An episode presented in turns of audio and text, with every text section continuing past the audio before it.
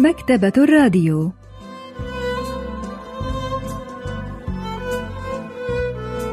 أهلا وسهلا بكم في حلقة جديدة من البرنامج الأسبوعي مكتبة الراديو الذي نستعرض من خلاله كتابا جديدا كل أسبوع. واليوم سوف نستعرض قصة مفكرة هانسان للكاتب هيي سو. لحظات ونوافيكم بالتفاصيل.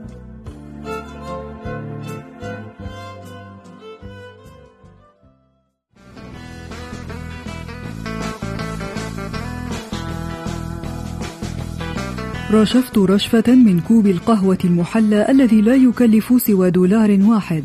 ثم وضعت السماعتين في أذني قبل أن أفتح مسجل الصوت. كان هناك أكثر من ثلاثين ملفا صوتيا سجلوا خلال الخمسة عشر يوما الماضية. أجريت المقابلات مع التجار والباعة الجائلين وغيرهم. في ذلك الشتاء رحت أتجول في أنحاء قرية هانسان مع مسجل الصوت والمفكرة لمدة أسبوعين متواصلين. كان سؤال واحد يتردد في صدور أهل القرية كلما رأوني: يا إلهي متى يرحل؟ نشرت قصة مفكرة هانسان للكاتب هيسو عام 2013 وتروى القصة من منظور الراوي الذي يعمل كاتبا لم يكن يجري أي إنجازات مرضية في مجاله الكتابي فأقفلت زوجته حساب التوفير الخاص بهما وألغت خطة التأمين. كان الضغط عليه شديدا كي ينهي روايته، فطلب مساعدة صديقه الذي كان يعمل محررا للعثور على وظيفة. طلب منه المحرر أن يجري عشرين مقابلة في سوق قرية هانسان. قال: اسمعني، لقد قال فلاديمير نابوكوف شيئا كهذا: بينما يستطيع العالم أن يرى كل شيء يحدث في نقطة معينة من المكان يستطيع الشاعر أن يشعر بكل شيء يحدث في نقطة معينة من الزمن هل تعلم ما يعني هذا؟ إنه يعني أننا نستطيع أن نجد عالما كاملا في أي شخص حتى لو كان رجلا ريفيا بسيطا. لهذا اذهب لإجراء تلك المقابلات.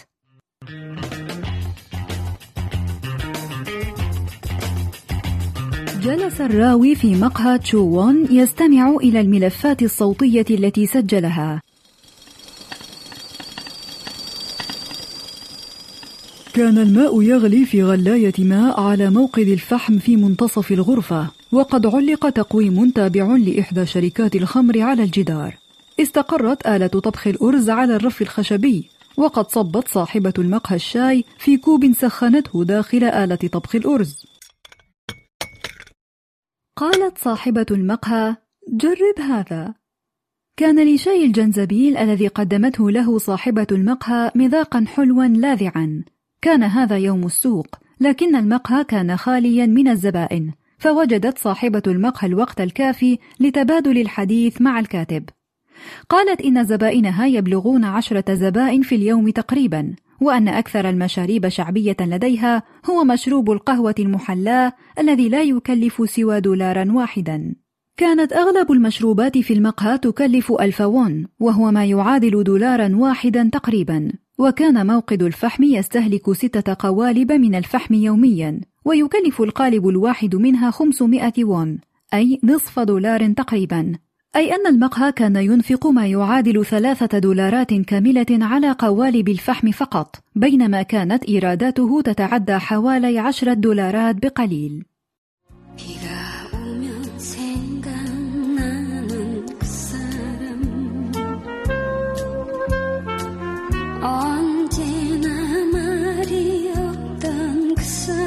ارتسم الارتباك على وجهي وأنا أكتب ما سمعته منها في دفتري. لكنها قالت إنها لا تجد أي مشكلة في إدارة المكان لأنها تحصل على أكثر من ثلاثين زبونا في أيام السوق.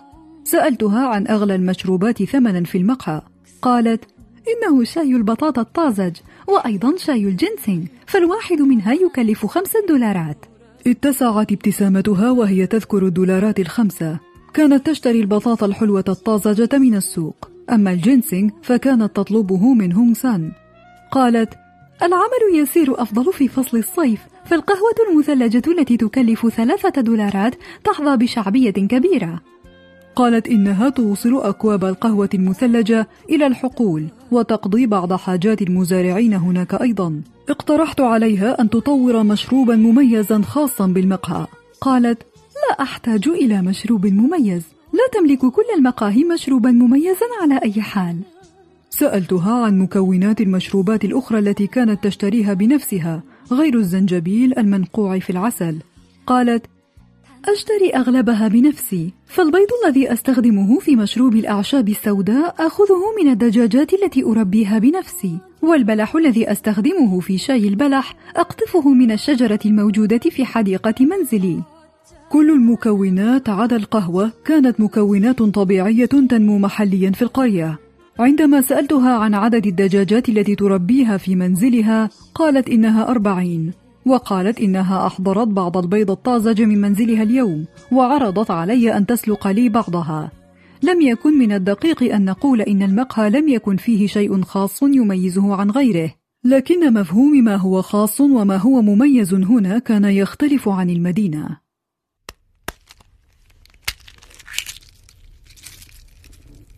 سألها الراوي بعض الأسئلة الشخصية وهو يتناول البيض المسلوق. أخبرته أنها استقرت في قرية هانسان بعد زواجها وهي ابنة العشرين. ثم أخبرته أن زوجها طلقها قبل أن تبلغ الثلاثين وتركها لتربي طفلين وحدها.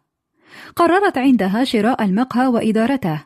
وكل هؤلاء الذين حاولوا أن يثنوها عن مشروعها هذا أصبحوا اليوم أكثر زبائنها إخلاصا. قالت إن ابنتها ترسل إليها مبلغا من المال كل شهر وتضغط عليها لتترك العمل. لكن أكثر ما يقلق مالكة المقهى كان ابنيها وسير حياتهما. فكانت تقلق كثيرا على سبيل المثال بسبب عدم زواج ابنها وتظل تفكر فيما إذا كان سيتزوج أم لا. بعد انتهاء المقابلة سألها الكاتب إن كان هناك شخص مثير في القرية ليجري معه مقابلة. فاقترحت عليه أن يجري مقابلة مع الشاب الذي تخرج من كلية الطب البيطري ثم عمل بعد ذلك سكرتيرا في الاتحاد الائتماني المحلي.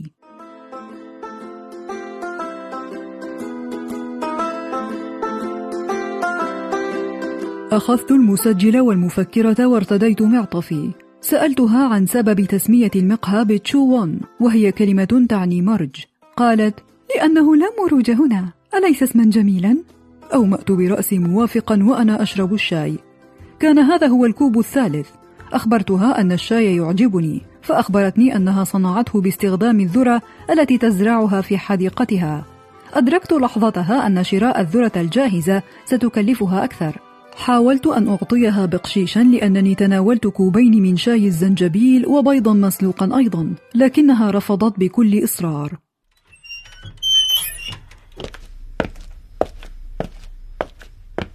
خرجت من المقهى ووصلت إلى الدرج الأسمنتي. تذكرت كلماتها وأنا أتأمل كلمة تشوون المنحوتة على اللافتة. لقد قالت لأنه لا مروج هنا. هذا صحيح. كم ستصبح حياتنا باردة جامدة إذا لم يكن لدينا مرج أو استراحة كهذه في حياتنا. شعر الكاتب أنه يفهم جيدا ما قالته صاحبة المقهى في هذه القرية. البروفيسور بانغ مين هو أستاذ الأدب الكوري بجامعة سيول الوطنية يحدثنا عن السبب الذي جعل الراوي يتأثر بكلمات صاحبة المقهى. 다방이라고 하면 왠지 불결하게 느끼는 그런 느낌도 없지 않은데 قد يرى البعض أن العمل في إدارة مقهى قديم كهذا هو عمل دون المستوى. لكن تلك المرأة اختارت أن تدير ذلك المقهى القديم وأن تعد فيه المشروبات التي تعدها مكوناتها بنفسها من المنتجات المحلية للقرية. وبما أن الكاتب نفسه كان يمر بمرحلة صعبة في حياته وعمله فلا بد أنه شعر أنه يشاركها تلك الحالة من الإرهاق من الحياة وظروفها الصعبة. لكن صاحبة المقهى على خلاف الراوي تقبلت هذه الظروف الصعبة كجزء لا يتجزأ من الحياة وواصلت حياتها بكل تواضع وبساطة وأريحية. تبقى ساعتان على موعد لقاء الراوي بالشاب الذي يعمل سكرتيرا في الاتحاد الائتماني المحلي. لم يكن هناك ما يفعله خلال الساعتين المذكورتين فقرر أن يتجول في المكان. وبينما هو كذلك لمح متجرا لتصليح الساعات. تذكر حينها أن ساعة يده كانت قد توقفت عن العمل.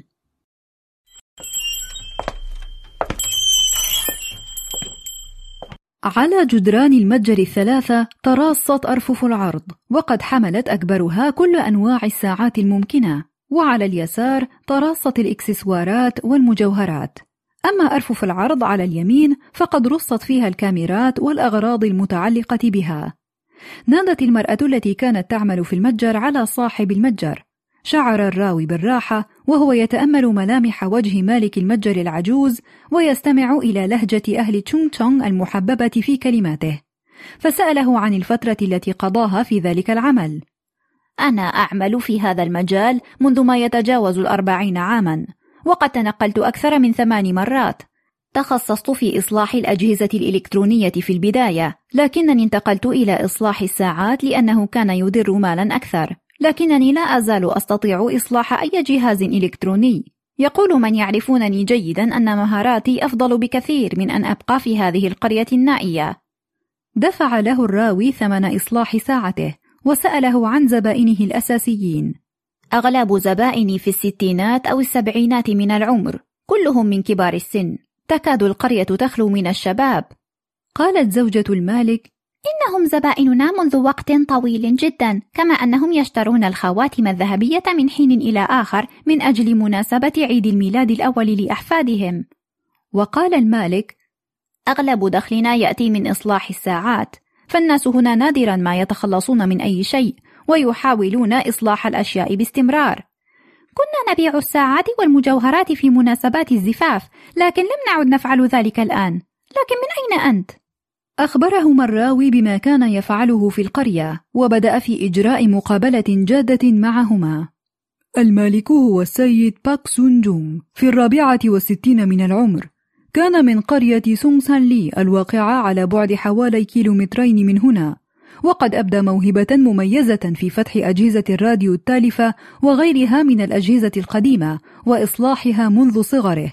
ذهب إلى سيول قبل أن يتم العشرين من عمره. وقد كان مصرا على تعلم بعض المهارات التي تضمن له الكسب السريع مثل غيره من الشباب الذين لم يحظوا بقسط كبير من التعليم. لكنه قضى سنواته في سيول يعمل مساعدا في متجر لإصلاح الساعات يقوم بأعمال متفرقة دون أن يحصل على أجر يذكر. قال صاحب المتجر كان الموظفون يغادرون المتجر ليبدأوا أعمالهم الخاصة إذا علمهم صاحب المتجر الحرفة بسرعة. مما يجعله عاجزا عن الاستفادة من عملهم. ولذلك لم يكن يريد أن يعلمني أنا أيضا. بعدما أدرك السيد باك أن صاحب المتجر في سيول لن يعلمه أكثر مما قد تعلم بالفعل غادر سيول واتجه إلى جونسان ولم يكن المتجر في جونسان يصلح الساعات فقط لحسن الحظ بل كان العمل يشمل عدة أجهزة إلكترونية والعمل في النظارات أيضا. كان المتجر يحتوي على عدة آلات وكان صاحب متجر جونسان أكثر كرما في المال والعلم من نظيره في سيول. قال صاحب المتجر كان ذلك الرجل ماهرا حقا وقد أخبرني أن أتعلم منه بالمراقبة الدقيقة لأنني لن أجد من يفوقه مهارة في إصلاح الأشياء. وجد السيد باك تعلم ما يحدث داخل الساعة أمرا صعبا في البداية. أعلم الآن كيفية عمل الساعات لكن الأمر كان صعبا علي جدا في البداية حتى أنني كدت أتخلى عن الأمر برمته. قال السيد باك إنه قضى ستة أشهر في تنظيف الأجزاء الداخلية للساعة فقط وفي يوم من الأيام فكك صاحب المتجر الأجزاء الداخلية لساعة تالفة ووضعها على المنضدة أمام السيد باك وطلب منه أن يركبها ثانية بالترتيب المضبوط. كانت المهمة تتطلب تفكيك كل أجزاء الساعة وإعادة تركيب التروس في أماكنها الصحيحة. فكك السيد باك الساعة وركبها مئات المرات على أمل أن ينجح في مهمته. كان يشعر برغبة كبيرة في الحصول على تقدير مديره وفي التقدم إلى المرحلة التالية. وبالتدريج عرف كل جزء من أجزاء الساعة وحفظها عن ظهر قلب.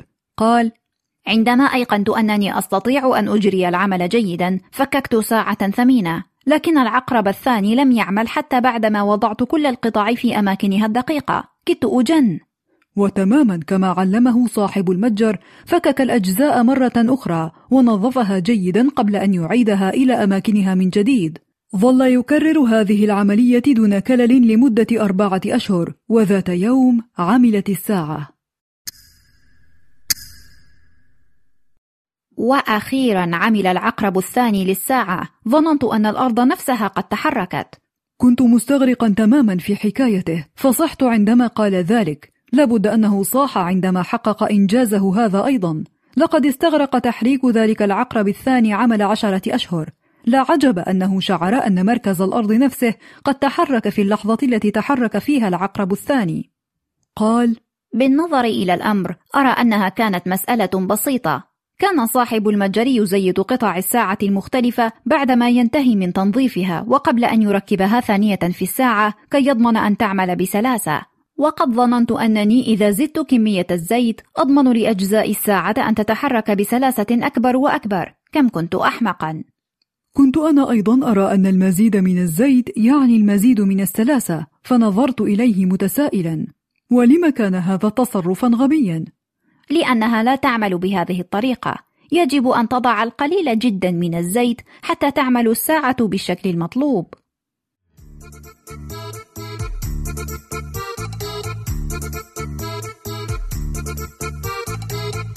نعم. كان السر الذي اكتشفه أخيرا بعد الاستغراق في المكونات الداخلية لساعة لأكثر من 120 يوما هو عدد قطرات الزيت المطلوبة. هنا أدرك سر الحياة. فقد تعلم أيضا أن استخدام الزيت والتوابل في العلاقات البشرية أو الأمور الدنيوية أيضا لا تنتج أكبر النتائج إلا عندما تستخدم بكميات ضئيلة لا تكاد تلحظ.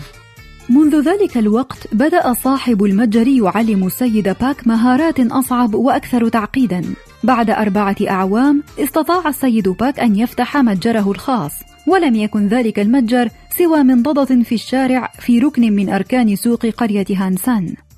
كان التجار الآخرون يعاملونه بفظاظة وكان الزبائن نادرين. لكن الأخبار انتشرت بسرعة كالنار في الهشيم أن حرفيا شديد المهارة يعمل في سوق هانسان فبدأ عمله في النجاح واستطاع أن يبتاع متجرا كبيرا أخيرا بعدما انتقل ثمان مرات. وأن يعلم أبناءه الثلاثة تعليما جامعيا أيضا وهو ما يشي بكم الجهد والمثابرة التي بذلها في العمل وهو يقضي الوقت هذه الأيام في تعليم نفسه كيفية إصلاح الكاميرات والأجهزة الرقمية.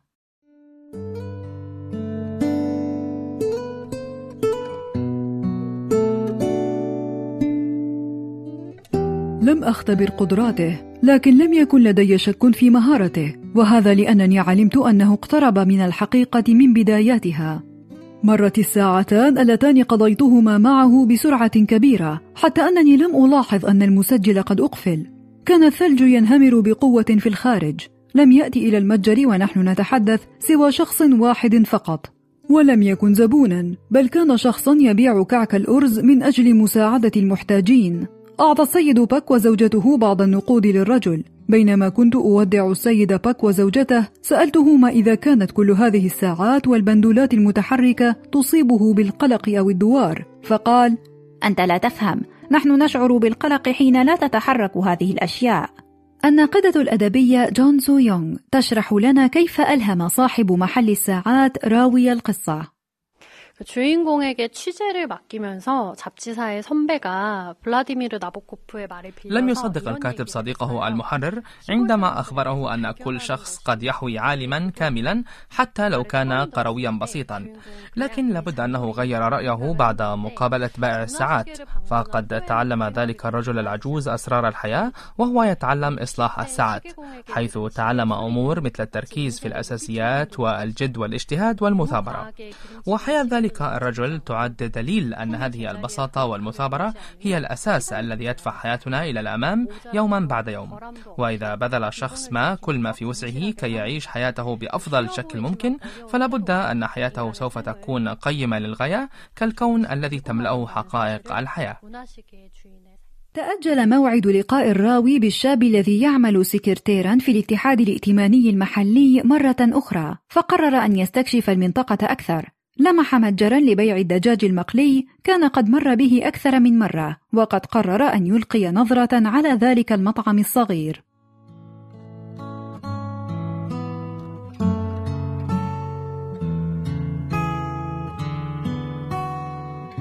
لم يكن هناك طاولات لتناول الطعام في قاعة المطعم. بدلا من ذلك كان هناك مكتبين جلس إلى كل منهما طالب مراهق في المدرسة الإعدادية. كانت والدتهما تقرأ الجريدة أمام إناء القلي. أما الأب فكان يستعد لتوصيل الطلبات. رغم ضيق المكان بدأ أن كل فرد من أفراد الأسرة يساهم بصورة ما في مساعدة الآخر. رأيت قاعة المطعم قاعة دراسة في مخيلتي فلم ينشغل الصبيان عن دراستهما. كانا يصبان تركيزهما كله على الكتب. دمعت عيناي لمرأى هذه الأسرة دون أي سبب. بدا لي أن الوالدين يقبلان صعوبات الحياة ويتعاملان معها من خلال التركيز على دراسة الولدين. جلب مشهد الكتب في خزانة الكتب الدموع إلى عيني وخفق قلبي بسرعة مع الحركات السريعة لقلمي الصبيين. شعرت برغبة مفاجئة في دخول المكان والتربيت على رأسيهما بحنان. كنت لأعطيهما بعض النقود لو سمحوا لي بذلك.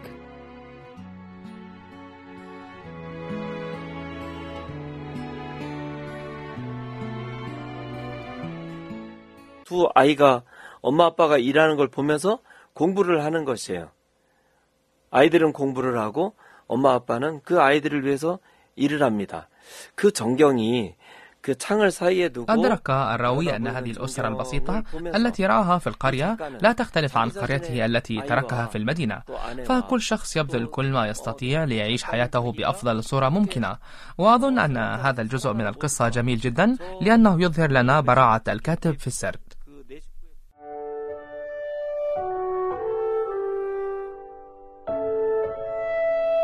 إذا طلب مني أن أختار بعض المشاهد الجميلة من قرية هانسان لن أتردد في اختيار مشهد تلك الأسرة في مطعم الدجاج المقلي الصغير. فقد بدت كلوحة رسمت بالألوان المائية لها إطار واسم فني.